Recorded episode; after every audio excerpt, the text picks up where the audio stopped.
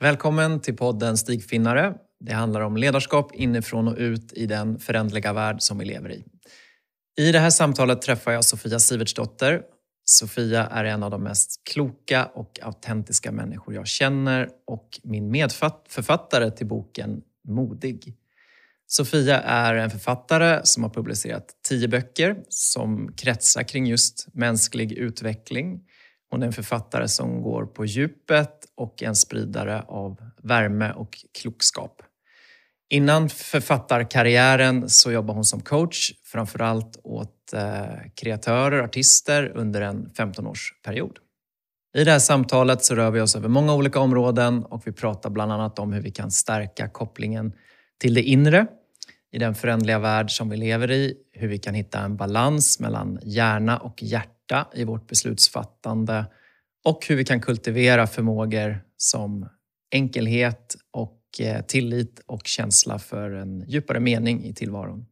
För mig innehåller det här samtalet både nya perspektiv och viktiga påminnelser och jag hoppas att du också får med dig hjälpsamma tankar och insikter.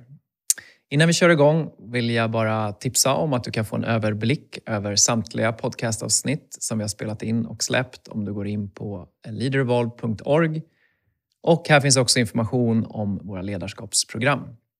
Vill du ha de senaste poddnyheterna så kan du också följa mig, Carl Lindeborg, på Instagram. Nog om det. Nu kör vi samtalet med Sofia Siversdotter.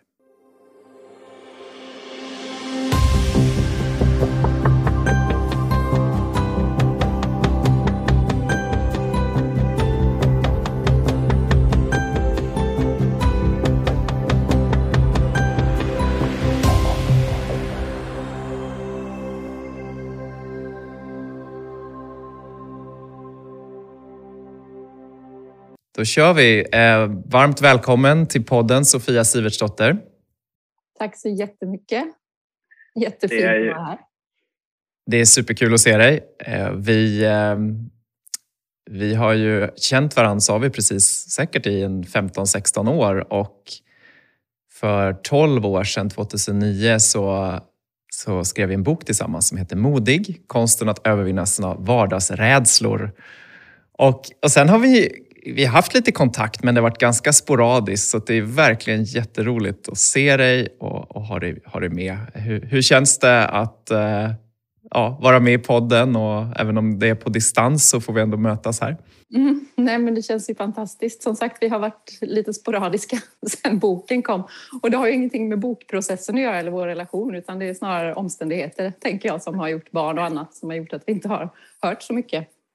Så jag är jätteglad för att få prata med dig här idag. Ja, jag också. Vi, eh, vi publicerade boken 2009 och sen åkte vi på en bokturné längs Norrlandskusten när vi besökte bokhandlare och pratade om boken. Och jag, jag minns den här roliga anekdoten att Filip och Fredrik hade också åkt på bokturné veckan innan och till alla de ställena vi kom på. Och de hade sprungit runt med megafoner och dragit in folk i bokhandlarna. Och så vi hade lite prestationsångest där. Kommer du ihåg det? Att, att, det var, att Filip och Fredrik hade varit före oss längs hela resan? Nej, det kommer jag inte ihåg. Men jag kommer ihåg vår tur. Det var mitt i vintern. Jag kommer ihåg att vi åkte nattåg hem därifrån, ja. vad det nu var, långt uppifrån norr. Precis. Men sen har ju mycket hänt och du har ju fortsatt att skriva. Det där var på något vis en, en start och du har publicerat tio böcker nu.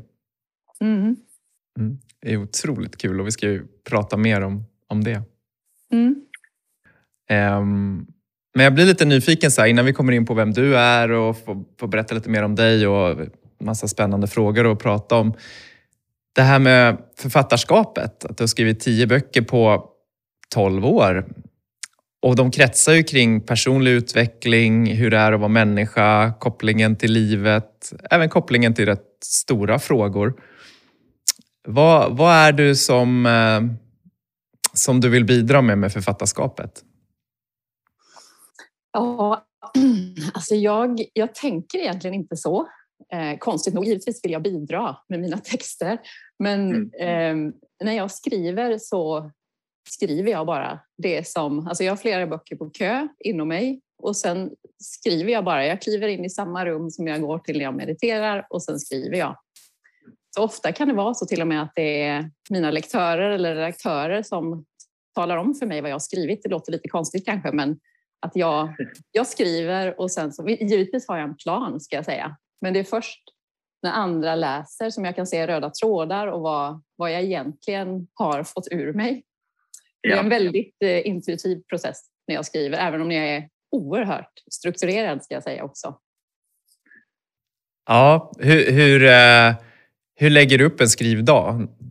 Har du liksom, eh, vid det här klockslaget gör jag det eller ja, hur, hur ser det ut med, på tal om struktur då? Mm. Alltså, en, en skrivdag har jag svårt att ge dig, men däremot eh, en skrivprocess. För att det ser väldigt olika ut beroende på ja, men vad jag har för omständigheter i övrigt med familj och annat i livet. Och hur, mm. ja, men hur mycket tid jag har, um, om jag har möjlighet att åka iväg eller inte. Jag, om jag kan så gör jag gärna det. Då åker jag iväg eh, långhelger eller en vecka och eh, då skriver jag i stort sett inte dygnet runt ska jag inte säga, för jag är väldigt noga med min sömn. Men eh, jag skriver väldigt intensivt när jag åker iväg, gör jag. Ja. Ja. Eh, är jag hemma och skriver så skriver jag helst på morgnarna, förmiddagarna. Jag har min peak hour fram till 12-1 någonting. Sen går det mm. sakta men säkert utför. eh, så att, ehm, nej men det, det jag alltid har, det är en jag har en tydlig plan för eh, vad jag ska skriva. Nu säger jag emot mig själv tycker du kanske, men jag har i alla fall en, jag har en arbetstitel, jag har ett tema, jag har en struktur och jag har en tidsplan. Och så mm. brukar jag försöka skriva på en vecka, kanske jag skriver, då har jag, jag ska skriva tio texter den här veckan. Eller när jag åker iväg ska jag ha det här, eh, den här delen klar i boken. Men jag jobbar väldigt tydligt med tre tre faser i skrivandet. Den första är en, någon form av brainstorming-fas när jag kommer fram till då arbetstitel, hur många kapitel det ska vara. Um, ja, men en tydlig tidsplan när jag ska börja. Det kanske är en, en, bit fram i tiden, men att jag ändå vet att då, då är startskottet. Och sen är jag också väldigt noga med att ha ett slutdatum. Eh, ja. Preliminärt kan det ju vara, men att jag i alla fall har det så att jag vet vad jag har att röra mig med. Mm. Eh, och sen den andra fasen, då går jag in och tömmer. Jag kallar det för tömmarfas. Och då skriver jag. Då, då öser jag bara ur mig text utifrån den här strukturen jag har byggt upp. Och sen då den tredje fasen som är den längsta vågar jag nog påstå. Det handlar ju då om redigering såklart. Där jag går in då och ja, tittar på vad jag har skrivit, flyttar runt, tar bort, tar bort, tar bort, tar bort, tar bort. Väldigt mycket ofta. Lägger till, putsar, filar, strukturerar om. Och när jag tycker att jag är klar, då tar jag in Eh, lektörer och redaktörer som hjälper mig. Oftast mm. inte tidigare än så faktiskt. Vad spännande och intressant att höra att, att, att det är en sån intensiv process och sen att det du lägger kanske mest tid på är, är själva redigeringen. Att, men eh, det ligger väl något i det där när man väl uttrycker sig från början att inte censurera sig medan man är på något, i något slags flow-tillstånd och det tänker jag gäller mycket i livet. Um, det är olika muskler. Liksom. Att vara kreativ, skapande är en muskel och en annan muskel är den som liksom tittar och, och granskar lite grann. Och, um, mm, spännande. Och det kan ju vara du... väldigt svårt också. Just det här ja, att se sina texter utifrån, det är inte det lättaste. För det, dels kan man ha, man ha så mycket inom sig också så att man tror att mer är ute än vad det är. Eller tvärtom, man har gett ut för mycket eller sagt för mycket så att man kan ta bort mycket av det man har uttryckt för att det, ändå, det finns mellan raderna ändå. Så det är ju en, en, en konst och det är väl det som är ja, men hela den kreativa och konstnärliga processen i att skriva som mm. gör den så oerhört fantastiskt jättehärlig, tycker ju jag. ja, jag tänker att vi eh, ska komma tillbaka till skrivandet och böckerna lite senare. Eh, mm. Du eh, få människor jag känner har ju funderat så mycket på, på det här med liksom livsfrågor och hur det är att vara människa. Och, eh, dels har du jobbat länge, 15 år som coach, eh, mycket med kreativa människor, artister eh, och så vet jag att du har funderat jättemycket för dig själv och sen har du skapat de här tio böckerna så det finns ju jättemycket att prata om.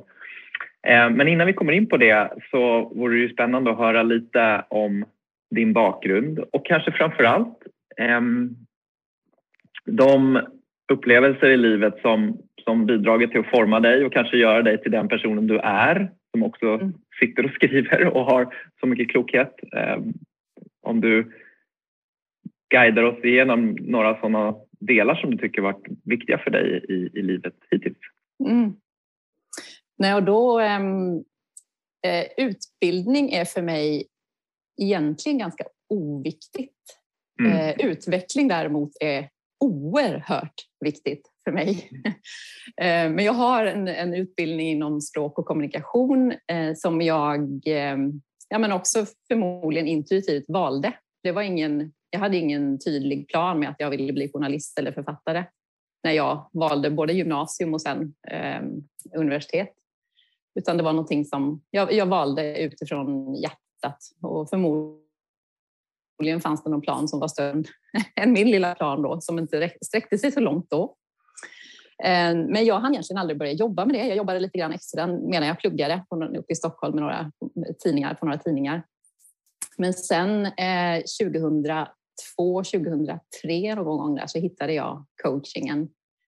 Eh, och eh, ja, jag, jag, kände att det, det, här är någonting som passar mig väldigt, väldigt bra. Det var ju nytt i Sverige då också. Eh, mm. Och spännande. Jag gick min utbildning i USA och sen startade jag mitt företag direkt där. Så jag har ju använt min utbildning på ja, ett, ett annat vis. Jag har haft med den hela tiden och haft en oerhörd nytta av den.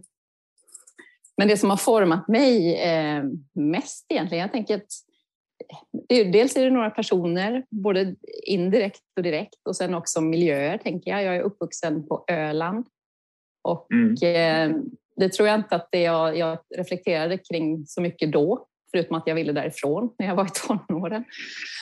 um, men det är ett, ett väldigt speciellt landskap det är kargt, det är ett väldigt speciellt ljus, det är, det är väldigt mycket natur. Och man är, det, det är ett ganska naket landskap, ganska egentligen inte så skyddande. Det är ganska eh, full fräs, liksom, både med ljus och vind och fåk och snö och sånt på vintern. Men det, det har verkligen format mig för att eh, naturen är oerhört viktig för mig den, eh, ja men det, det, är ett måste för mig att ha nära till naturen hela tiden. Och den ger mig också mer än någonting annat faktiskt. När det kommer till vad som har format mig så tror jag att ja, men vi är en del av naturen och eh, ja, den, den har gjort mig till den jag är, precis som alla blommor och alla träd i, runt om i, i världen. Mm. Men sen har jag också en, eller hade, jag säga, en morfar som var journalist som han dog när jag var 16 redan, men han, eh, han har ändå format mig väldigt mycket. Han eh, var en väldigt moraliskt och eh, etiskt övertygad man. Han eh, var engager, väldigt engagerad, eh, både politiskt men också i många olika frågor i samhället. Och jag väldigt, det hade varit väldigt kul att få lära känna honom mer, men jag tror att hans, hans energi finns kvar, hans hans tankar finns någonstans kvar under huden på mig, även om jag inte överhuvudtaget var i närheten av att kunna ta del av honom på det sättet som jag hade önskat idag. Just. Så, så, han har format mig indirekt mest och även min eh, pappas väg i livet. Han, eh, han är, får jag väl säga, han är pensionerad men han är sjökapten vilket har gjort att jag levde ett, ett väldigt speciellt liv. Det tänkte jag inte på när jag växte upp. Men han var borta mycket, det är ju en del. Han, han var borta tre, oftast tre till sex månader, eller tre var det väl oftast när vi var lite större. Mm. Så, så, han, så han var kapten på, på fartyg som, som äh, åkte runt världen egentligen? Ja, runt jorden for han många, väldigt många gånger. Ja. Vi har ju varit med honom mycket och där, tack vare honom så har jag också fått den här kärleken till, till resandet och en jag tror en trygghet i både i mig själv kanske och i världen. Att det är mm. lugnt, liksom, var man än tar sig så det löser sig. Så, så han har också varit en, en stor del i, men också mest indirekt tror jag, att jag har fått, fått ta del av hans, hans drömmar och hans visioner så, under, under huden därmed. Just det. Mm, och sen också, jag, jag fick en cancerdiagnos när jag var 22 som jag klarade mig väldigt lindrigt rent fysiskt ifrån. Det var ingen fara för mig, även om jag trodde det då när jag fick den här diagnosen. Mm. Men det, det, är nog det som har format min resa allra, allra mest.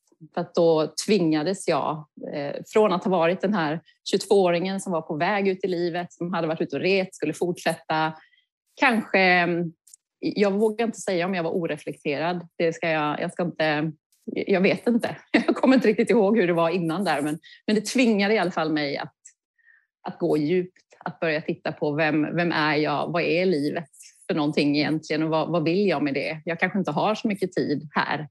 Man vet inte och det var första gången jag mötte de frågorna, att jag, att jag är dödlig. Mm.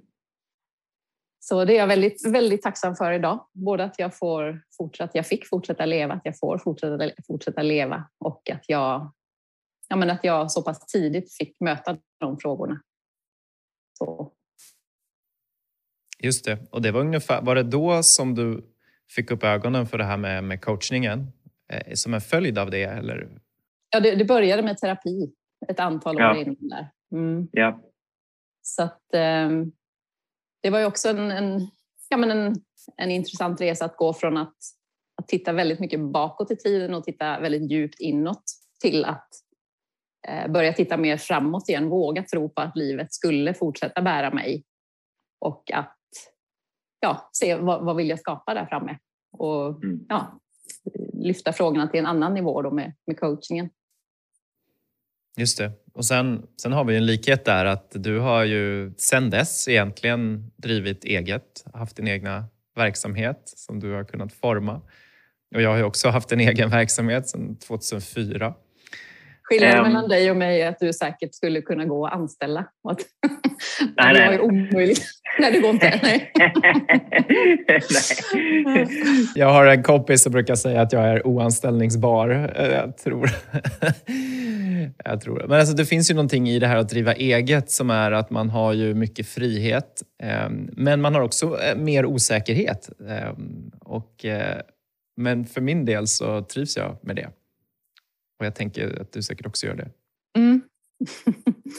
ja, verkligen. Alltså att, ehm, att det är o, osäkert eller otryggt så som man kan tycka kanske. Det, är, det är faktiskt aldrig någonting som har varit ett problem för mig. Friheten väger så oerhört mycket tyngre. Så att, mm. Eh, och det har jag också alltid haft, tror jag, den här, det, det löser sig. Liksom. Alltså, vad, är det, vad är det värsta som kan hända? Det viktiga är att, att jag kan bygga på de slott som jag är menad att bygga och att jag kan eh, jag menar att jag är fri att att göra det jag är menad att göra här på jorden. Det, man kan ju tycka att frihet kan vara egoistiskt, men jag ser inte det så, utan att det är friheten att göra skillnad på det sätt som man är menad att göra skillnad på här mm. på jorden. Precis. Jag håller helt med. Um, sen så har du en period som är ganska lång. Det är då vi lär känna varandra och eh, du jobbar som, som coach. Det är liksom ditt huvudsakliga Eh, ja, yrke, om man ska säga så, eh, under ganska många år. Och så du, du får ju träffa hundratals människor eh, som eh, engagerar dig för att få hjälp med någonting där de är i livet just då. Eh, och jag vet att du fokuserade mycket på, på människor som har en kreativ läggning eller kreativa yrken. Och Det som jag tycker vore kul att, att höra, det är ju under de här 15 åren som, som coach och bollplank och jag vet att du är väldigt duktig i den rollen. Vad, vad, vad ser du för mönster i, först och främst, ser du några mönster kring vad, vad, vad, vad, vad, är det som gör, vad var det som gjorde ont i människor? Eller vad var det som fick dem att, om det nu var något som gjorde ont i dem, eller vad var det för möjligheter som fick dem att komma till dig? Finns det, finns det något mönster i det eller, eller, eller är det helt olika? Alltså jag tror att det finns ju alltid ett, ett större mönster. Och det tänker jag att det är det mänskliga mönstret, att vi har, vi har hinder, eller vi stöter på hinder i livet. Och tror jag också att vi alla har en längtan av, efter att skala bort allting som inte är sant. Mm. Um, och jag tänker att de två går väldigt mycket hand i hand. Uh, kanske är hindren samma sak som det man vill skala bort, eller så kan det vara inre hinder kanske som gör att man inte kommer dit man vill och att man behöver, behöver jobba med dem. Så att jag tänker att ja, det kan... Det, det var ju väldigt många olika frågor såklart, men som kreatör så kanske man har den här, eh, det här behovet av att, att ha ett bollplank också. Om man är egenföretagare är det skönt att ha någon som ser en utifrån som kan utmana en, som kan eh, inspirera kanske eller att ja, men någon som finns där vid en sida när man mm. går upp och ner så här med kullar och dalar i livet. Så. Men det främsta tror jag att man, man, har, man har kanske en dröm som man vill förverkliga och sen, mm. ja, men det finns hinder på vägen som, som man vill komma över eller frigöra sig från. Jag tänker att allting handlar egentligen om frigörelse på olika sätt. Att man vill, man vill bli fri från begränsande tankemönster, från emotionella mönster som finns eller yttre, både inbillade och verkliga hinder. Mm. Jag tänker också så. När jag skrev min första bok som heter Ditt briljanta jag så kan man ju tycka, vad, vad är det som är briljant? Men, men jag tänkte ju väldigt mycket så att vi har någon form av lysande eh, potential eller stjärna i oss själva. Och sen så har det liksom längs vägen så lägger man på sig massa begränsande saker. Jag tror det är en del av, av vad det innebär att vara människa. Och sen så riskerar man kanske att faktiskt tappa kontakten med, med den där kärnan som finns där inne någonstans som, eh, som, som du säger, skala bort det som är osant och att utvecklingen blir väldigt mycket att, att skala bort. Eh, skala bort mönster som inte fungerar, skala bort begränsande tankar och när, i den processen lära känna mer och mer av mitt verkliga jag. Mm. Tänker du också så? Eller hur, hur tänker du på utveckling? Jag, jag tänker precis så också. Att det, vi har, jag tror inte att vi behöver någonting mer. Och jag tror egentligen inte att vi behöver motsäga mig själv igen. Det är min specialitet. Men att vi, att vi egentligen inte behöver någon heller utifrån. Alltså det är fint att ha bollplank eh, mm. och de kan hjälpa en givetvis och kanske snabba upp processer och att se saker som man inte kan se själv. Men jag tror att vi har precis alla svar vi behöver inom oss. Och det handlar om att, ja, men att bara våga skala bort allt som inte är sant. Men det kanske inte är så lätt alltid att se vad som inte är sant och hur, ja, hur vet man det och finns det någon som kan hjälpa en att se, ställa rätt frågor, eh, kanske se också det här, det här vackra som man kanske inte ser själv alltid på samma sätt eller se mer av det. Mm. Men det tänker jag att en, en coach eller en eh, terapeut eller en, någon som kan se lite utifrån kan just hjälpa en att göra det omedvetna medvetet. Att finns ju så mycket i oss eh, hur vi är och hur vi tänker och hur vi ser på oss själva som är omedvetna mönster. Och det är ju svårt att jobba med något som är omedvetet.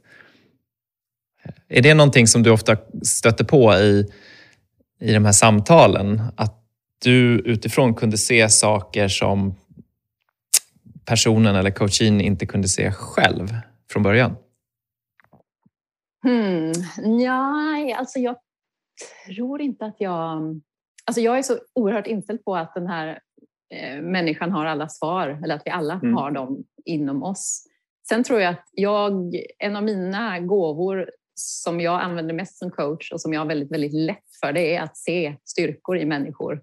Att se det mm. vackra. Det kommer väldigt naturligt för mig.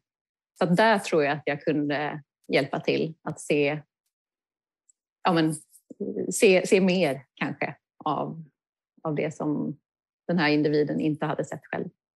Mm. Coaching har ju varit, när du började med det så var det nytt i, i den formen. Sen har det ju liksom varit eh, någon, eh, nästan inflation. Man, det var ett, ett tag när det var coachutbildningar och coaching precis överallt. Och nu kanske, jag vet inte att det, det, har, det är någon lite mer balans i det. Men, men essensen i coaching, för den som, om man säger att, att man är en ledare till exempel i en organisation och man känner att jag vill praktisera ett mer coachande ledarskap eller coachande förhållningssätt. Hur, hur skulle du, från din liksom förståelse av coaching, vad, vad är essensen i coaching? Mm, vilken bra och svår fråga. Ehm, jag tänker mycket att, att ehm, så mycket uppstår i mötet. Mm. Och då är det beroende på vilka det är som möts. Att det är viktigare än själva coachingen. Om du förstår hur jag tänker. Mm. Ehm, men sen tror jag att generellt sett att, att vara närvarande, att ge både processen och eh, individen utrymme och sen också att, ja, men att våga vara ärlig, våga ställa eh, kanske, kanske inte utmanande frågor men ärliga och eh, ja, men kärleksfulla frågor. Och kärleksfulla frågor tänker jag är ärliga, för är man kärleksfull så vågar man också säga vad man ser och vågar utmana kanske om det behövs. Men jag tror att som sagt, mötet och närvaron är det viktigaste. Nu är det ett väldigt lurvigt svar, fast å andra sidan... Nej, det tycker jag inte. Närvarande och sen också mm, fokus på, alltså oavsett om man jobbar inom en stor organisation och har en, en anställd eller om man är i en helt annan situation så, så tänker jag att det viktigaste är att individen är på rätt plats. För det kan ju mm. vara så i en organisation att man är antingen på fel plats inom organisationen och att man kanske behöver faktiskt flytta någon annanstans. Eller att man lämnar helt och hållet. Man kanske är på fel företag eller kanske i helt fel bransch. Ja. Och att man har fokus på individen istället för på företaget. För att jag tror att det gynnar både företaget, individen och chefen i längden. Att verkligen ha mm. människor som är 100% engagerade och passionerade och eh, att deras värderingar går i linje med företagets värderingar. Mm. Precis. Och eh, jag har ju en, en, coach eller mentor som jag jobbar med, tycker det är väldigt värdefullt. Har faktiskt börjat med det på, på de senaste två, tre åren. Och jag vet att du också har haft mentorer och coacher och jag vet inte om du har någon nu, men vad, vad har, hur, hur har det hjälpt dig? För dig personligen? Ehm, ja, men alltså jag är ju då solo solokvist vad det gäller mitt yrkesliv. Nu har jag i och för sig haft ja, många människor inblandade så i mitt företag, men det är ändå mitt företag och för mig är det väldigt viktigt att ha någon eh, vid min sida att bolla alla frågor med. Mm. Eh, på olika nivåer. Jag tänker att det hänger väldigt, för min del hänger det ihop. Både för att jag, jag skulle göra precis det jag gör även om jag inte fick betalt. Jag tycker så mycket om det. Och sen tror jag också att Eh, min hälsa är lika viktig som min ekonomi i mitt företag. För att ja, men, i mitt fall så är det ju faktiskt jag som är företaget rent krasst. Om inte jag funkar så funkar inte företaget. Även om jag har anställda så tänker jag att det är en, en oerhört viktig del. Att man tar hand om sig själv, att man ser, ser både sig själv och företaget holistiskt. Och för mig är det viktigt också att känna att jag utvecklas, att det är människor som ser saker som jag inte ser, eh, att jag kan ja, men resa tillsammans med någon som har kommit längre än vad jag själv har gjort inom olika områden. Och jag brukar mm. anlita människor inom, inom olika områden då som jag är intresserad av eller som jag behöver växa inom. Och sen brukar jag också alltid ha en grupp som jag är en del av så att jag också får Ja, men det blir en annan dimension när man utvecklas tillsammans och har ett, ett fokus på det än om man är bara på individnivå jag tycker väldigt mycket om individnivå. Så därför är det viktigt för mig att också ha gruppnivå. Jag, ja. Mm. ja precis. Och det, tack, för, det, för jag känner likadant. Och, och jag tror att jag intalade mig ganska länge att nej men, jag behöver nog ingen och sådär, utan jag, jag har koll. Och, och jag kanske tror att, att ganska många kan känna så. Men när man väl hittar rätt person som precis som du säger har kommit lite längre än mig själv inom något område som är relevant för mig så har jag upplevt i alla fall att det är så otroligt värdefullt att ha de här konversationerna. Och jag tror, jag som jobbar mycket med chefer och ledare, att det är, och jag vet att väldigt många har otrolig nytta när man väl hittar den här personen. För det är ganska ensamt, man kan inte eh, prata om allt med alla. Och att då ha någon utanför som har perspektivet utifrån och som kanske har en visdom och, och erfarenheter som är behjälpliga, det, det kan ju vara väldigt värdefullt. Mm. Ja, där tänker jag att man får ju leta på. Jag vet inte hur många jag intervjuar när det är dags för en ny människa. Alltså jag är som en iller. Ehm, det, och det är ju ja. rätt tufft också. Man, jag har alla mina mentorer och coacher i USA och om man då så här googlar mm. coach så. Då får man upp tre, ja, precis, tre miljarder träffar. Så, lycka till att hitta någon. Nej, men även om man smalnar ner det då inom sina områden så är det ju ändå en uppsjö av människor att välja mellan. Så det är ju, men det är ju likadant med egentligen man väljer, kanske inte, ja det beror på. Det beror på vad man värdesätter, men man väljer tandläkare. Jag vill ha en tandläkare som jag tycker väldigt mycket om också. Mm. så man får lägga tid på det liksom. Och, men speciellt Absolut. tänker jag när man jobbar med sitt inre som är så oerhört viktigt och värdefullt. Att man hittar någon som, som det verkligen fungerar med och där man känner att man utvecklas på riktigt. Så, så att ja. det inte bara är... För jag menar alla, alla coacher ger ju någonting. Så är det ju. Mm. Alla ställer frågor och även om man har hört frågan förr så kan man ställa den igen och få ut mycket av det. Men att hitta någon som verkligen dels ser en, förstår en och som vågar utmana en på rätt sätt. Det är magi, tycker jag. Ja, Ja, absolut. Jag håller helt med, eh, även om det är mera nytt för mig. Um, på tal om det som är hjälpsamt, så när jag är inne på din hemsida, du har en fantastiskt fin hemsida. Um, där står det också om, um, jag tror att det är liksom någonting som du fick ur den här erfarenheten som du hade när du jobbade som coach. Tre stycken vad ska jag säga, egenskaper eller dimensioner som, som du lyfter fram på hemsidan som, som viktiga för oss människor i den tid vi lever i. Och eh, de var inre styrka, riktning och medvetenhet. Mm. Vill du säga något om dem och hur, hur det kan vara hjälpsamt att kultivera de, de tre dimensionerna i, i sig själv? Mm. Alltså jag tänker att eh, det finns så mycket ord i världen. Mm. Och nu är jag författare, det är också så. Men ehm, eh, jag tänker att det, det, det, spelar egentligen ingen, ingen roll vilka ord man väljer här. Men eh, innehållet, att ha en inre styrka, jag tror att vi alla kan hålla med om det, att det är, det är viktigt och det känns väldigt fint att, att ha en inre styrka, att man har en tillit till att, att livet bär en och att de svårigheter jag går igenom, att de kommer att göra mig starkare. Inte att de gör mig svagare, utan att varje hinder, varje topp jag tar mig över så blir jag starkare. Så att egentligen ska man fira varje motgång, tänker jag, som man får i knät. Oavsett mm. vilken, eh, vilken karaktär. Men att den, eh, att den inre styrka, att ha den och veta att jag, vad, vad som än händer, så kommer jag att klara av det. Det värsta som kan hända är att jag dör ju väl? Eller? Det beror på i och för sig hur man ser, hur man ser på döden.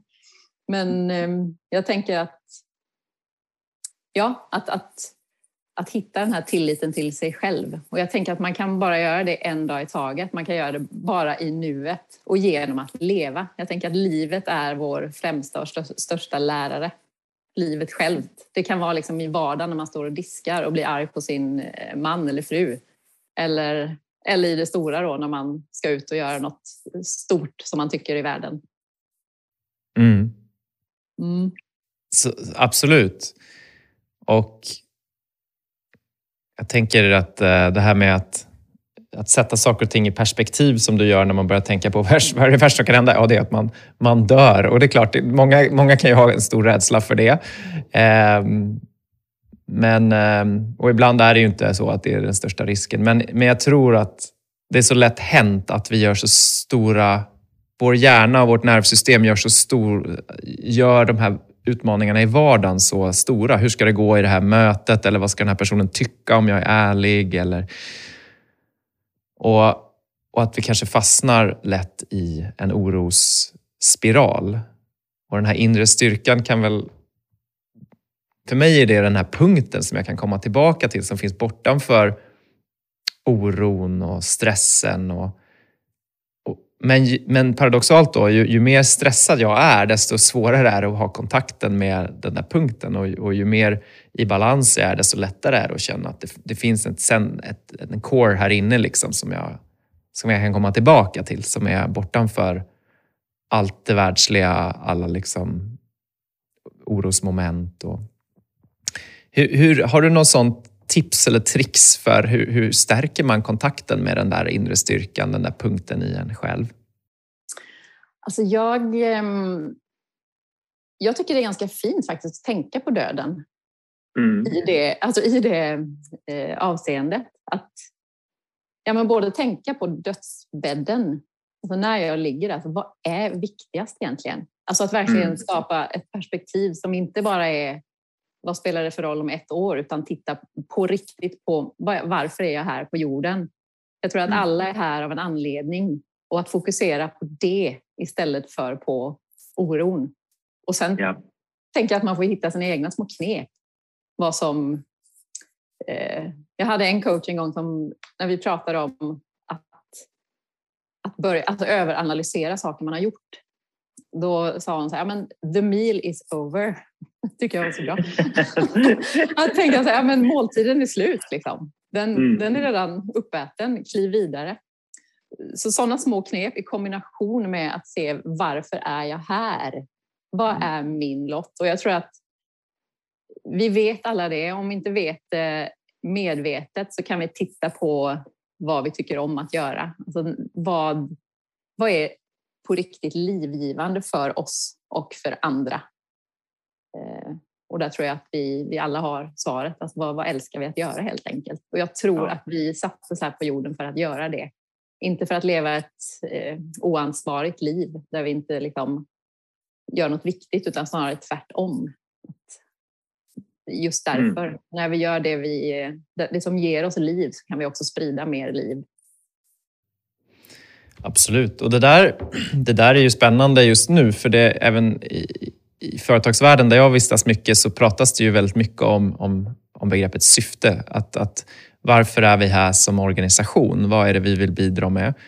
Eh, men för att kunna prata om syfte på ett eh, vad ska jag säga, grundat, autentiskt sätt så behöver jag som individ också fundera på varför, så, som, så varför är jag här i relation? Och, och, förhoppningsvis då så kanske det finns en, en, lite av en matchning mellan organisationens syfte och mitt eget.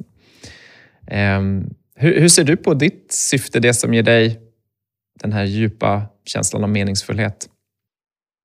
Alltså det, det är så mycket, tycker jag, som mm. ger mig en känsla av meningsfullhet. Eh, jag kan ibland bli lite orolig så att jag har gått blivit nöjd på fel sätt. Nej, jag skojar bara. Men jag, jag är verkligen jag är tillfreds med det jag gör. Jag, skrivandet är min dödsbäddsfråga faktiskt. Mm. Det är det jag måste ha gjort för att eh, lämna till freds. Sen finns det givetvis en mängd andra saker också. Och i mitt skrivande så ser jag det också som, ja, som någon form av eh, själsligt arv till min son. Så att, mm. att, mina böcker, att, det finns, att jag lämnar någonting som är viktigt för mig till honom. Det är inte pengar eller prylar utan det är ja, men det, jag, det jag tror och står för. Så det är verkligen ett, ett stort varför i mitt, i mitt skrivande. Eh, min son. Eh, men i övrigt så jag, så som sagt naturen är oerhört viktig för mig. Eh, rörelse är väldigt viktig för mig, både i form av utveckling men också i form av att, att, röra på kroppen och röra på mig, byta miljöer är mm. viktigt. Mm. Och det behöver inte vara stora resor, även om jag tycker om också att, att dimpa ner på helt nya platser där jag, är, där jag är annorlunda. Jag tycker väldigt mycket om det. För då, ehm, jag upplever att jag lär mig mer. Och det är som att man fyller på någon form av eh, mänsklig eh, bägare. ja, men där saknades det lite, där, ja, men det här har man inte sett. Så kan man liksom man kan bli helare som människa ju mer man får uppleva. Ju fler ja, men platser och miljöer och människor som kan få bidra till en. Och jag tänker att det mm. handlar om det här subtila. Det kan vara små blickar, det kan vara små möten, det kan vara dofter, färger, eh, musik, eh, olika former av naturupplevelser. Det kan vara konst, det kan vara ja, men, en, en mängd olika saker som, som berikar. Ja, det är härligt att fundera på det. Vad är det egentligen som är betydelsefullt och vad är det egentligen som får mig att känna mig levande?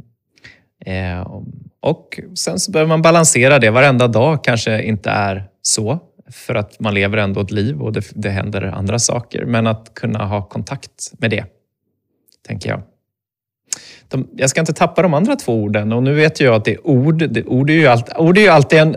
Och det är ju bra att komma ihåg. Ord, ord är ju en förenkling av verkligheten. Liksom, när, man ska, när man ska sätta ord på någonting så blir det ju inte det. Det blir ju liksom en, en, en förenkling eller en, ett, ett substitut för något annat. Men, men om vi nu ändå använder de här orden som, som, som vi var inne på. Så inre styrka, riktning, vad, vad ligger i det för dig? Jag tror att vi alla behöver en, en väg att gå på och någonting att sträcka oss efter, någonting att ja men, ja men, sträcka oss efter tror jag verkligen är rätt, rätt ord. Att mm.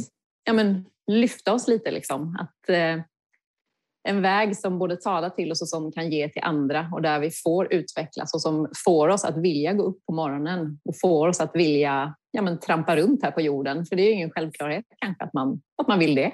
Det ja, men att, att hitta det där, den där riktningen, den där, ja, men den där vägen att gå på som är, som är just min, min stig att mm. gå på. Mm. Och den, kanske, den hänger väl väldigt mycket ihop med det vi just pratade med, tänker jag. Det här, vad är det här underliggande, meningsfyllda syftet? Och när jag lever utifrån det, hur, vad blir då vägen? Eller hur tänker du? att det finns, den, finns, finns det den kopplingen? Ja, men absolut. Att det, att det när varandra. Mm. det är som mitt skrivande. Jag har en önskan om att skriva, men jag tänker snarare att det är orden som skriver mig. Eller hur blir det nu? ja, men att det är liksom någon, som, någon, form av samverkan där. Det är inte bara jag, utan det är, liksom, det är en dialog på något sätt.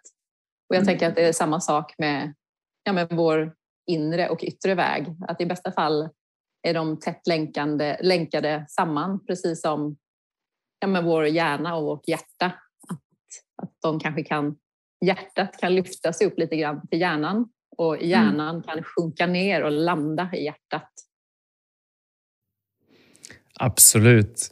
Det, kopplingen mellan hjärna och hjärta tror jag är, är så viktig att utforska. Jag, tror vi, jag upplever ju att vi lever i ett samhälle, inte minst i Sverige, där det är väldigt mycket huvud och väldigt mycket hjärna. Och, eh, jag tror både vi som värld och som samhälle och som individer behöver kanske, inte alla, vissa är ju alltid här, men många av oss tror jag mår bra av att utforska hjärtat och vad det innebär. Ja, och där tror jag mycket att, på tal om vår, vår bok då, som vi skrev för mm. 12 år sedan, att, rädsla är ju en stor del där, tror jag. Att vi, vi balanserar hela tiden på den här linjen mellan rädsla och tillit eller rädsla och kärlek eller hur man nu vill se det. Och att mm. vi, vi blir ju översköljda av saker och ting som kan skapa en känsla av oro, osäkerhet. Så. Sen beror det ju på givetvis, jag ska inte säga att vi blir översköljda, utan det väljer ju, man väljer ju kanske vad man, vad man låter sig översköljas av också. Vilka liksom, sidor man öppnar på internet och så. Men att det är ändå en, en verklighet med pandemier, det kan vara terrorhot, det kan vara ja, våra nära och kära som är sjuka. Eller, ja, men det, det, finns, det finns, om man vill så finns det väldigt mycket att vara rädd för ju, och som då kan Absolut. sluta hjärtat. Och saker man råkar ut för eh, genom livet som, som gör att vi sluter oss och väljer att gå upp i hjärnan. För det, är lite, ja, men det känns som att man har lite mer kontroll där kanske, även om jag inte mm. tror att det är sant. Nej. Om man känner att, att, att man har slutit mycket av sitt hjärta, att man kanske lever i, har levt länge. För det, det, det, tror jag händer, att när man... Rädslan, och det skriver vi om i boken också, är ju naturlig. Det finns, det finns väldigt mycket värde i rädsla. Den är liksom biologisk, logisk. Men den är ju inte det på ett kroniskt plan, utan den är ju det i vissa situationer. Som den, det är information, den signalerar någonting. Och, och, i den värld vi lever i, där det finns så mycket att, att faktiskt oroa sig för och stressas av potentiellt sett, om man tappar sin, sitt center, så kan man ju hamna i ett tillstånd av, av kroniskt påslag. Man kanske inte kallar det alltid rädsla, men oro, stress, relaterade känslor. Och när du går med det under längre tid så sätter du sig, tänker jag, fysiskt Eh, och självklart emotionellt. Men om man känner in det där att det är svårt att ha, att, att kunna möta världen med ett öppet hjärta. Vad, vad kan man göra då? Mm. Alltså jag, jag, tror ju mycket på att skala av och sätta fötterna i gräset. Mm. Alltså skala av så mycket som möjligt av det som stressar. För jag tror att vi generellt sett kanske är ganska bra på att, att låta kalendern bli lite för fylld snarare än ja. att skapa utrymmen och hål. Och sen kanske inte det är så lätt heller om man har en, vana av att boka in mycket. Jag ska vara ödmjuk för att det inte det är inte det lättaste att bara boka av. För det finns ju rädslor där med. Kanske vad händer om jag bokar av, om jag säger nej till saker och så? Vad, vad händer då med mig mm. och med andra? Men jag tror eh, alltså det här basala, att landa i kroppen, att eh, gosa med djur och små barn och ge sig ut i naturen. Alltså för jag tror att det är, det är få som inte landar liksom på en eh, sommarregn. Nu har vi inte sommar, men vi kan ja, men ut i höstrusket liksom och få känna vinden i ansiktet och regn i håret. Och, mm. och rör, jag tror också på rörelse, att landa i kroppen så mycket det går. Att, eh, ja, att, att, eh, att vara, det handlar om att vara närvarande e-, egentligen, helt enkelt. Att, att landa i nuet, för där behöver vi inte vara rädda. Nej. Men det är inte så lätt och där tänker jag att vi har alla olika vägar också. Och där får man väl träna på sitt. Liksom vad, vad funkar för mig? Och mm. verkligen vara ärlig där och inte titta på vad som borde funka. För det finns ju så här, så här ska man göra. Man ska meditera den här tidpunkten på dagen. Man ska göra det här och det här och det här. Men att titta på vad funkar för mig? Jag älskar att styrketräna till exempel. Folk blir alltid förvånade när jag säger det. Jag tycker det är jättekul. Jättehärligt. Det ger mig verkligen mycket liv. Ja. Eh, om jag får vara själv på gymmet. För det vill jag vara. Men att hitta, hitta rätt grejer. Vad, vad fungerar för mig? När, när känner jag mig avslappnad och sen göra mer av det? Och som sagt de här frågorna. Vad är livgivande för mig? Men också för andra. Jag tror att de går hand i hand när vi är ärliga mot oss själva. Absolut. Det sista ordet, ehm, medvetenhet. Och eh, vad, hur, hur, tolkar du det eller hur tänker du kring, kring det? Och... Hur det, alltså jag hur det tror faktiskt att det till och med står meningsfullhet. Om vi nu en känsla av meningsfullhet. Men det, det, är samma sak, det är bara ord. Och sen är jag helt Ja, ärligt, det kan det mycket väl vara. Meningsfullhet kan det ja. vara. Ja. ja det, det, spelar ingen och det har vi varit inne på ganska mycket, meningsfullheten. Ja. Nej, det är lite intressant alltså det här med ord, för det är ofta så som jag, det är kanske någon som skickar en text till mig, Gud, jag älskar den här texten, så bara, har jag skrivit det? För jag, jag glömmer det så fort jag har liksom tryckt på sänd till min tryckeri så glömmer jag vad jag har skrivit. Det kan vara lite, ja men så det är likadant du, när du nämner de här orden, jag bara usch, vad kommer nu för något? jag har ingen aning. ja, vi har alla svagheter. Ja, ja. Men jag tänker att vi, vi behöver inte gå djupare i meningsfullheten har vi pratat om eh, väldigt mycket. Mm. Och medvetenheten eh. hänger ju väldigt mycket ihop med det också. Att vara, eh, när, alltså vara nära sin egen kropp och sin, nära sin egen sin, sin egna andetag, sitt egen, sin mm. egen väg. Att hålla, sig, hålla den trogen, den vägen. Mm. Precis. Nu har vi pratat om ett antal dimensioner men jag tänkte också skulle fråga om du vill lägga till lite. Jag tänker ofta att vi lever i en, i en väldigt speciell tid där det går väldigt fort och det finns otroligt mycket information och det finns mycket som står på spel på, på alla plan. Vilka egenskaper tänker du är viktiga att kultivera om man ska kunna känna sig mm, tillfredsställd, eh, någorlunda balanserad och känna att man eh, har, har, en, har en fin och bra livsupplevelse helt enkelt. I den tid vi lever i som kanske är...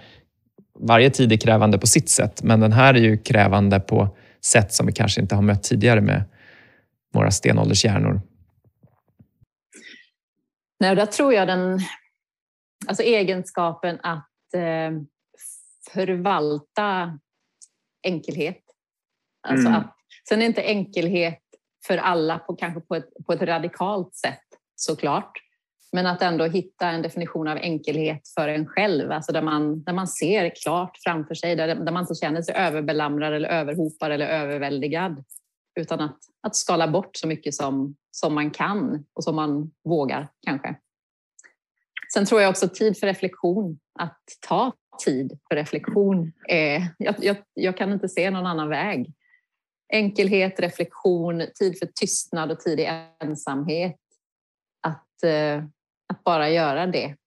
Sen kanske jag eh, är extrem där för att det är så oerhört viktigt för mig att ta den här tiden och ha, ha vita utrymmen och att ja, men åka iväg regelbundet själv så att, mm. jag, mm. så att jag har kontakt med mig. För det är så lätt att det snurrar på bara. Att plötsligt så har det, oj, nu har det gått tre veckor, oj, nu har det gått tre år. Och nu kan man ju också börja säga att oj, det, var, det har gått 30 år. ja, precis. så att, eh, det tror jag, alltså, ja, men en kombination av alla de, om man vill kalla det egenskaper eller eh, vad vi nu vill, vad vi nu vill kalla det. Alltså enkelhet, reflektion, ensamhet, stillhet, tystnad. För mm. att vi verkligen ska höra den där lilla rösten som, mm. som vill oss så väl och som har en plan för oss som är så mycket större, tror jag, än våra allra största planer.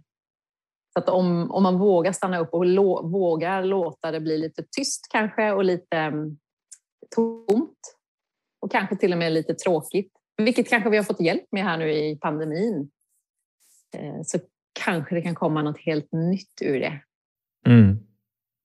Jag kan faktiskt uppleva det, tycker jag, i många samtal jag har med, med chefer som jag träffar. Eh, bara de sista veckorna har jag haft ett antal sådana samtal med, med personer som har sagt att liksom, jag känner inte igen mig själv. Jag börjar ifrågasätta, du vet, varför är det här så viktigt? Varför ska jag ha den där båten? Eller varför ska vi ha tre hus? Och varför ska vi... Jag vill bara bli av med det. Liksom.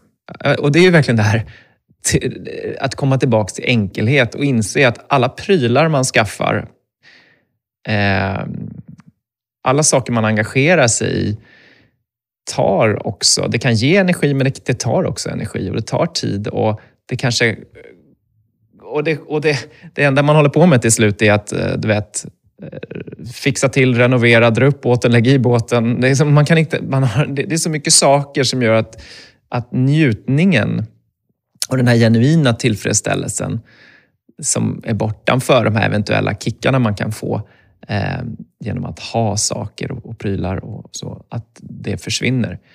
Och, och, att, och de här människorna jag tänker på som jag pratat med de sista veckorna har känt sig ganska förvirrade. Eh, liksom, nästan som att det är något fel, det är något konstigt som pågår. Och, jag har ju tänkt att det, det, är inte alls, det är tvärtom. Det är något som är fantastiskt fint som pågår. En, en rörelse mot, tillbaka mot det som verkligen betyder någonting. Mm. mm. Ja, men det har jag upplevt också faktiskt på ja, men Röda Korset och även återvinningscentraler. Alltså det har ju aldrig varit så mycket folk som nu. Alla, att det faktiskt, ehm, och det, jag kan tycka att det, det, jag tycker det är plågsamt, det är nog rätt ord faktiskt, när man är på en återvinningscentral och ser alla dess, framförallt kylskåpen och frysarna. Oh, jag får helt ont i hela mig när man tänker på liksom, ja, men hur många som byter ut och att det inte går att liksom, laga kylskåp längre. Utan det är bara att här, grattis, nu har du en stor klump på massor med kilo som knappt går att röra som ska liksom vara halvt vägen.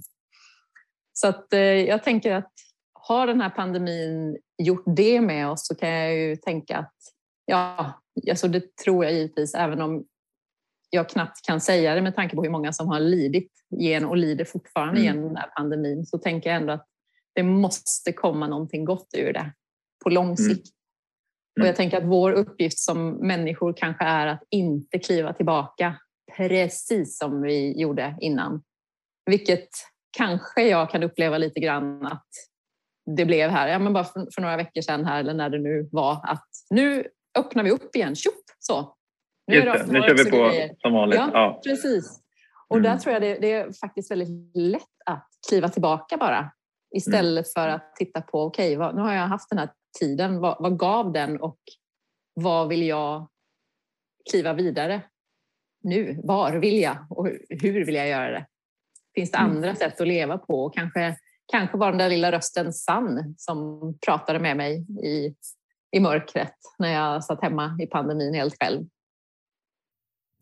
Absolut, absolut. Och det knyter ju an lite grann till, till att våga ha tillit också. Och Det där vet jag att du och jag pratade om ganska mycket när vi skrev boken. Ehm, för det, för det är klart att vi kan potentiellt sett vara oroade och stressade och rädda för saker precis hela tiden. Och det finns ingen garanti heller att det där man är rädd för faktiskt inte inträffar. Det kanske inträffar imorgon, det, det vet vi liksom inte. Ehm, men, och det är ju liksom, tänker jag, essensen av tillit, att, att välja att tro att något gott ska komma eller något gott ska inträffa. Och jag, jag, jag tänker ibland på det där med tro och tillit. Och jag tycker att vi ibland vi lever i ett Sverige som nästan som en outlier där man där jag tycker det är svårt i vissa sammanhang att prata om tro och tillit. För det ska liksom, vänta nu här, hur har det bevisats i forskningen på rad, du vet, med, med, med de här, ett antal decimaler ungefär. Och jag tänker ju att, för mig själv har jag ju valt att tänka, och det är så min upplevelse är, att, att eh, det finns någonting bortanför det förklarliga. Eh, och det är ju en tro som hjälper mig jättemycket att hantera osäkerhet, att hantera rädslor. Och, eh, och jag vet att du har tänkt mycket kring de här frågorna också. Hur, hur, hur, hur, kan vi, hur kan vi tänka kring tro och tillit? Och om man nu har bestämt sig för att jag tror inte på någonting bortanför det vetenskapen kan bevisa, går man miste om någonting? Ja du, alltså det är så svårt att säga eftersom vi är så olika och jag, jag bor ju bara i min kropp. Så egentligen mm. kan jag ju bara tala utifrån mig. Det är det som är så besvärligt i livet. att man, får, man kommer ju aldrig få prova någon annans. Men, men det är en bra, det är en bra start. Vi behöver ju inte generalisera. Hur, hur upplever du det? Eh, nej men jag har ju inte så svårt då för att tro på saker som inte går att mäta och ta på och så. Eh, jag tänker att vi är burna av livet eh, och jag tänker att, att tillit handlar om att, jag menar, att leva utifrån den man innerst inne är. Mm. Sen tänker jag att det får väl bära eller brista. Mm. Så, att eh, jag kan inte se något alternativ till det. För att jag, jag ser livet som väldigt, väldigt kort. Vi, har, ja, men vi, vi får en liten, liten stund på jorden. Och då tänker jag mm. att ja, eh, någonstans kommer vi ju ifrån. Och det går ju inte heller, kan någon förklara det för mig så skulle jag vara väldigt tacksam. hur, det kan, liksom, hur min son kan finnas. Ja, det vet jag i och för sig hur själva processen gick till. Men, men kanske hans medvetande, hans consciousness? Eh... Ja, eller överhuvudtaget bara att någon kan leva och sedan finns de inte mer. Mm. Det, jag tänker att det är, det är tro allt det här att alla små sädesärlor som flyger omkring och löven som dalar ner från himlen och ja, men soluppgången, solnedgången, mm. vinden. Det är, det är liksom min, min definition av andlighet. Det, det finns någonting som är större än oss, punkt. Mm. I min värld. Absolut. Sen är jag väldigt tacksam ska jag säga också för alla, alla tänkare som är olika mig. Läkare och de som verkligen går djupt, in, går djupt åt andra hållet så att vi kan mm. komplettera den här på jorden. Och en del av, av våra största tänkare genom tiderna har ju faktiskt landat i att det finns någonting bortanför det vi kan förklara. Um, jag kan i mig, i mig själv uppleva att när, när jag går in i perioder med, med stress och jobb så kan jag uppleva att att jag tappar den här tilliten och uppkopplingen mot det jag upplever ändå finns runt mig som är någonting större. Och, och då blir livet mycket jobbigare. Eh, och, men när jag på något vis hittar tillbaka och kan påminna mig och hitta det lugnet i mig själv som ofta krävs så blir livet mer en fantastisk resa. Eh, så jag kan i mig själv verkligen uppleva sån otrolig skillnad mot när jag har kontakt med tilliten det som är större än jag själv och när jag inte har det. Sen är säkert människor olika. Men jag tänker ändå ofta att har man inte experimenterat med det, att kultivera den här tilliten till något som är lite bortanför det förklarliga, så kan det ju vara ett spännande experiment att göra i alla fall. Och se om det möjligtvis kan finnas någonting där som kan vara behjälpligt för att kunna navigera i den här liksom, snabbrörliga världen vi lever i. Mm. Nej, och där tänker jag, ja, men det du nämner, att hitta, hitta de ankare, eller vad vi vill kalla dem, som, som kan påminna en så pass ofta så att man inte hamnar så, fel, så, så mycket åt fel håll när mm. man hamnar i stress eller vad det kan vara. För det gör vi ju givetvis allihop på olika sätt liksom, och på olika, vid olika tidpunkter i livet. Eller ja, men, olika delar av dag, dygnet bara kan det ju ja, vara. Eller under en timme kan man uppleva ganska mycket. Så att, eh, att hitta ankar eller hitta någonting som, som man faktiskt gör även när man inte känner för det. För att man vet att det är någonting som bygger på den här ja, men inre platsen eller vad vi nu vill kalla det. Bygger relationen till den. Jag tänker att det är till syvende och sist att bygga på relationen till sig själv. Mm. Så att den förstärks och fördjupas. Verkligen. Och det är väl en bra bro över. Jag tänkte att det vore kul att prata lite om ditt skrivande igen och, och, och böckerna som jag är säker på hjälper människor att göra just det du precis nämnde nu. Eh, den eh, senaste boken, den kom ut för, hur många veckor sedan är det? Ingen aning. 15 september. En ja, ju... månad. Mm. En månad Men som sagt, det, det känns som att den är flera år gammal nu i min värld. Den heter Små tankar om stora frågor. Små tankar om livets stora frågor. Ja, just det. Vad, du, om du nu kommer ihåg någonting från, från det du har skrivit här, så vad, vad, berätta lite om, om den och eh, hur, hur som fröet till den boken eh, kom till dig. Absolut. Alltså jag hade en plan först att jag skulle skriva klart en novellsamling som jag skrev några år sedan faktiskt. Som jag, den har legat där. Jag har ett färdigt råmanus, men den har bara inte, nej, den har inte kommit ur mig helt. Så jag började med den, men sen så, ehm, ja, men jag, fick, jag fick väldigt mycket frågor från olika mm. håll som återkom. Och sen, ja, men jag, jag tycker frågor är väldigt spännande för att alla svar ser olika ut. Lika olika som det finns individer. Mycket också när jag har hållit skrivkurser kan jag fascineras så mycket över det. När man ställer en fråga och alla svarar då i skrift på den. Och ja. alla svarar helt olika. Alltså det kan vara liksom någon skriver skönlitterärt, någon skriver en... Ja men det, det, det är fascinerande med frågor. Så jag tänkte att jag eh, skulle svara på några frågor, inte utifrån att jag har svaren givetvis, utan bara som en, en väg för eh, en form för, för reflektions, reflektionsfrågor helt enkelt. Ja. Så att jag, jag bad några av mina tidigare klienter om att skriva ner deras viktigaste frågor. Så, och sen, jag hade väldigt många frågor och sen var, det var många som sammanföll med varandra. Och så valde jag ut ett gäng då som jag kände att här finns det någonting. Och så skrev jag utifrån dem. Så det är, det är frågor om, om livet. Eh, ja, men en del vardagsfrågor, en del stora frågor. Det är frågor om döden, det är frågor om, om livet på en mängd olika nivåer. Mm. Och eh, eh, vad skulle jag säga, hur skiljer sig den? Är det liksom från de tidiga böckerna du har skrivit, är det här mer som, eh, jag antar att det går i, i samma linje, men att du, du har just använt fråge frågespåret som struktur här. Mm. Och jag tycker det är väldigt eh, fint att hitta olika former för skrivandet. Det ger mm. mig någonting personligen.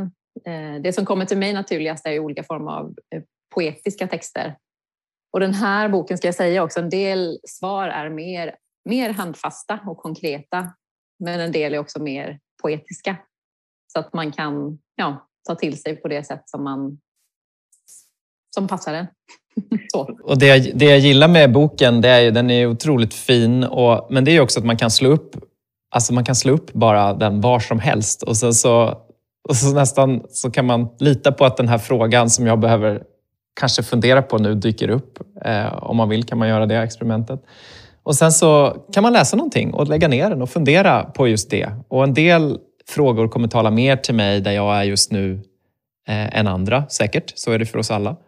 Eh, men jag tycker den är jättefin på det sättet. Det kan vara ganska skönt att inte behöva, oh, nu ska jag läsa den här boken på 300 sidor eh, från sida ett till sista sidan. Utan att bara kunna ha det här som en, en slags inspiration och någonting som väcker egna tankar och reflektioner. Mm. Nej, och det är min, eh, oftast min tanke med, med mina böcker, att det ska vara... Jag hoppas att de är förhållandevis tidlösa och att de ska just gå och plocka upp så var alltså att man ska kunna slå upp eh, en bok var som helst och få någonting och inte ha den här känslan av att man ja, ska läsa den och sen är den klar utan att man kanske kan återvända till den. Eh, eller i allra bästa fall att man blir färdig helt och hållet med dem, att man växer ur dem. Det är det bästa såklart. Att man hittar en ny, ja, men, för så fungerar jag. Jag, kan, jag går djupt i vissa människor eller författare och sen så men nu har jag liksom fyllt mig med deras tankar och idéer och sen så lämnar jag så, så kliver jag vidare. Så mm. det är ju det bästa om det sker även med mina böcker, tänker jag. Absolut. Och eh, du får jättegärna läsa en, en, eh, något litet kort utdrag som eh, inspiration till oss som lyssnar. Ja. Ja, och då är det då Små tankar om livets stora frågor. Jag har valt en text som heter Hur finner jag hopp i en kollektivt mörk tid? Och eh, det här är då en, en lite mer poetisk text. Så. Himlen klarnar upp. Jorden ligger vaken och väntar på våren. I träden jublar knopparna, för snart kommer de att spricka ut och få se jordelivet. I söder gör sig tofsviporna redo de färdas mil efter mil. I marken förbereds sommarens vackraste blåklockor, för livets vinter har alltid ett slut. Himlen klarnar upp. Du vågar tro, även när natten känns lång. Du vandrar, även om du inte ser stigen framför dig.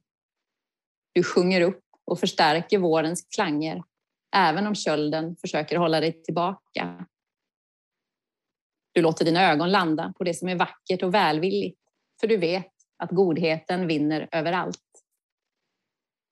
Himlen klarnar upp. Du står på randen till framtiden, till ljuset, till hoppet. Du förminskar inte mörkret, du lyser upp det och växer av det. Gårdagens bekymmer rinner genom dig och ut ur dig igen, för du är större än alla tvivel. Du inväntar blomningen genom att blomma. Hmm. Så fint, verkligen. Och jag tänker att precis sådana budskap behöver vi i den tid vi lever i. Mm. Det här poetiska som du har med dig, um, hur, hur har det för det, det, det, när vi skrev Modig, det kan man knappast kalla för en poetisk bok.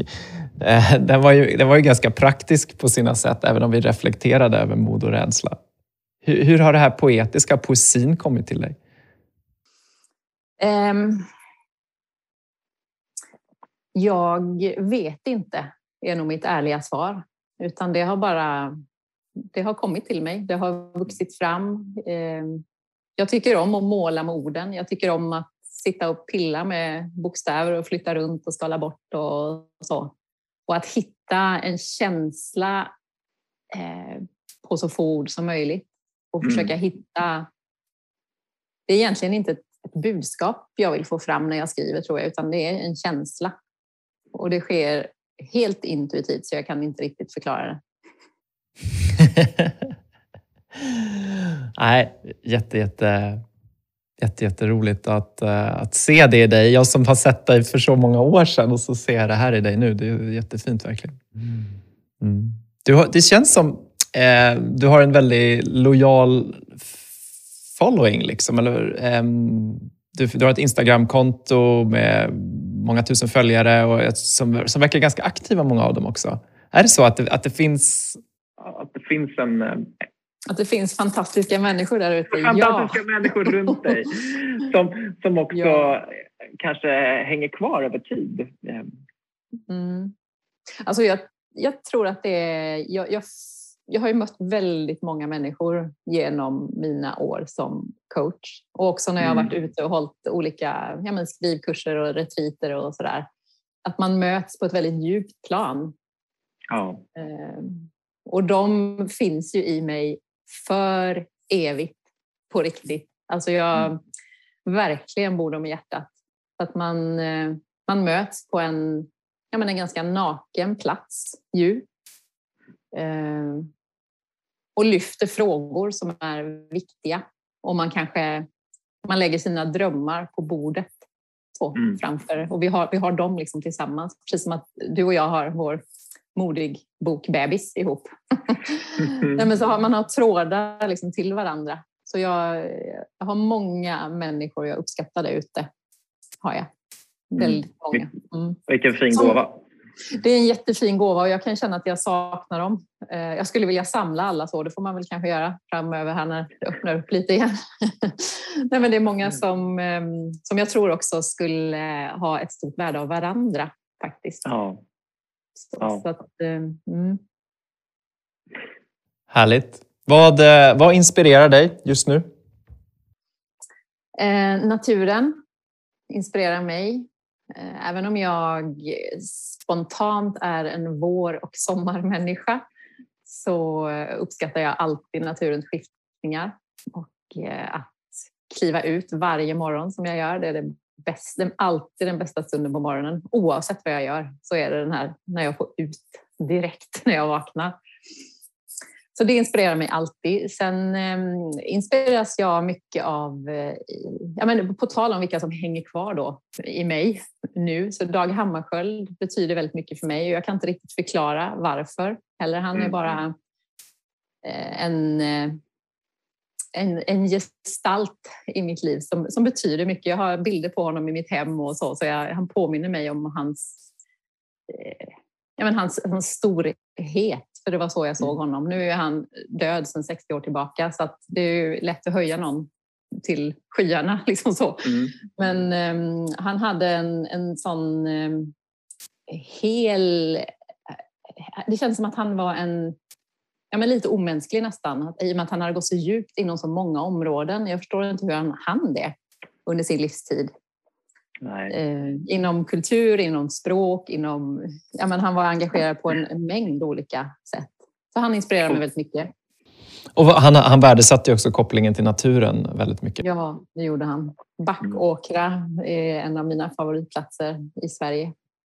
Mm. Hans mm. tilltänkta sommarhus ligger. Just Eller hans, han hann ju aldrig bo där. Precis. Och kanske kopplat till lite det du sa där du går ut på morgonen, men en, en vana eller en practice som du har just nu som känns väldigt värdefull? Mm, ja, men det är ju den då. Jag hamnar ju alltid på första plats. Min morgon, ja. morgonrörelse och eh, frisk luft. Så jag har alltid en stund på morgonen när jag eh, ja, men framförallt rör på mig. Och då kan jag antingen vara i tystnad, men jag kan också lyssna på en, en podd kanske, eller musik eller eh, affirmationer eller ja, någonting som lyfter. Så den, den är jätteviktig den stunden för mig. Och likadant har jag en stund på kvällen där jag brukar göra ja, yin-yoga, meditera lite, läsa, skriva lite. Så det är egentligen mm. de två ankare jag har, morgon och kväll. Och sen har jag en massa andra saker också som jag håller på med och värdesätter. Men det, det skiftar givetvis utifrån att livet förändras och jag förändras. Men det, mm. det bestämde jag alltid här morgon och kväll, att jag stannar upp då, alltid. Eller ja, på morgonen stannar jag inte upp, fast jag upplever det så. Även om jag är full rörelse så, så känns det som att jag stannar upp. Precis. Och eh, vi börjar knyta ihop säcken lite här. Om du skulle skicka med någonting till den som lyssnar och vi har ju berört mycket så det kanske blir mer av en summering. Men någonting den, till den som lyssnar som känner att man vill leva livet ännu lite mer autentiskt vara ännu lite mer levande, ehm, komma ännu lite mer inifrån. Ehm, vad skulle du vilja skicka med? Mm.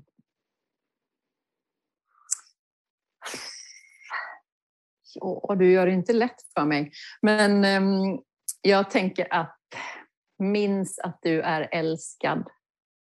Mm.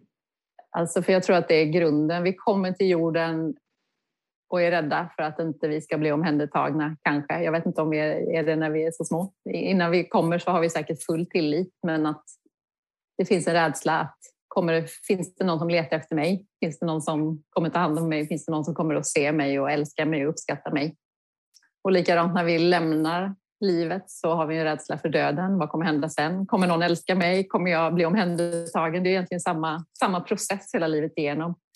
Så jag tror att det är grunden att minnas att man faktiskt är älskad. Jag tror inte att någon skulle tala om för en, en gråsparv eller en, ja, en blåsippa att de inte är älskade.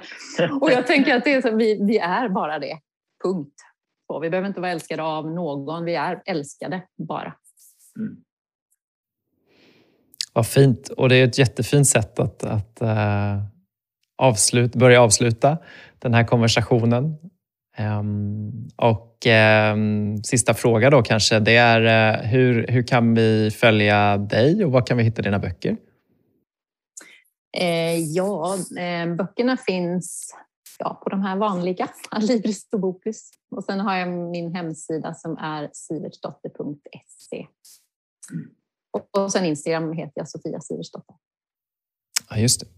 Och om man är nyfiken på dina böcker, du har ju skrivit ganska många nu. Och är det någon speciell bok som du rekommenderar att man börjar med eller kan man bara läsa och känna in? Eller vad, vad vill du skicka med? Något, något tips? Mm. Alltså den som är mest omtyckt rent siffermässigt, alltså den som har sålt allra, allra, allra mest, mest, det är Ord för dagen, där man då får en text varje dag. Den heter Ord för dagen, 365 texter för styrka och sinnesro. Jag har den engelska versionen här. A word mm. for the day. Ja, precis. Mm. Den kanske. Um, sen, det beror det på. Jag har skrivit två böcker som är lite mer det är en som är en ren diktsamling och den säljer allra, allra minst. Men det är den jag uppskattar väldigt mycket själv. Um, men sen har jag också en bok som heter Älskad, vila i den du är. Som också är, det är väldigt korta, det är en, eh, en liten eh, dikt kan man säga, eller vad, vi, vad, man nu vill kalla det på ena sidan och sen är det en, eh, en önskan, eller vad man vill kalla det på andra sidan, som då kopplar an till det ämnet. Som också kan vara väldigt så enkel och lätt att ta till sig om man har dåligt med tid eller man bara vill ha en, så en, liten, en liten smakbit.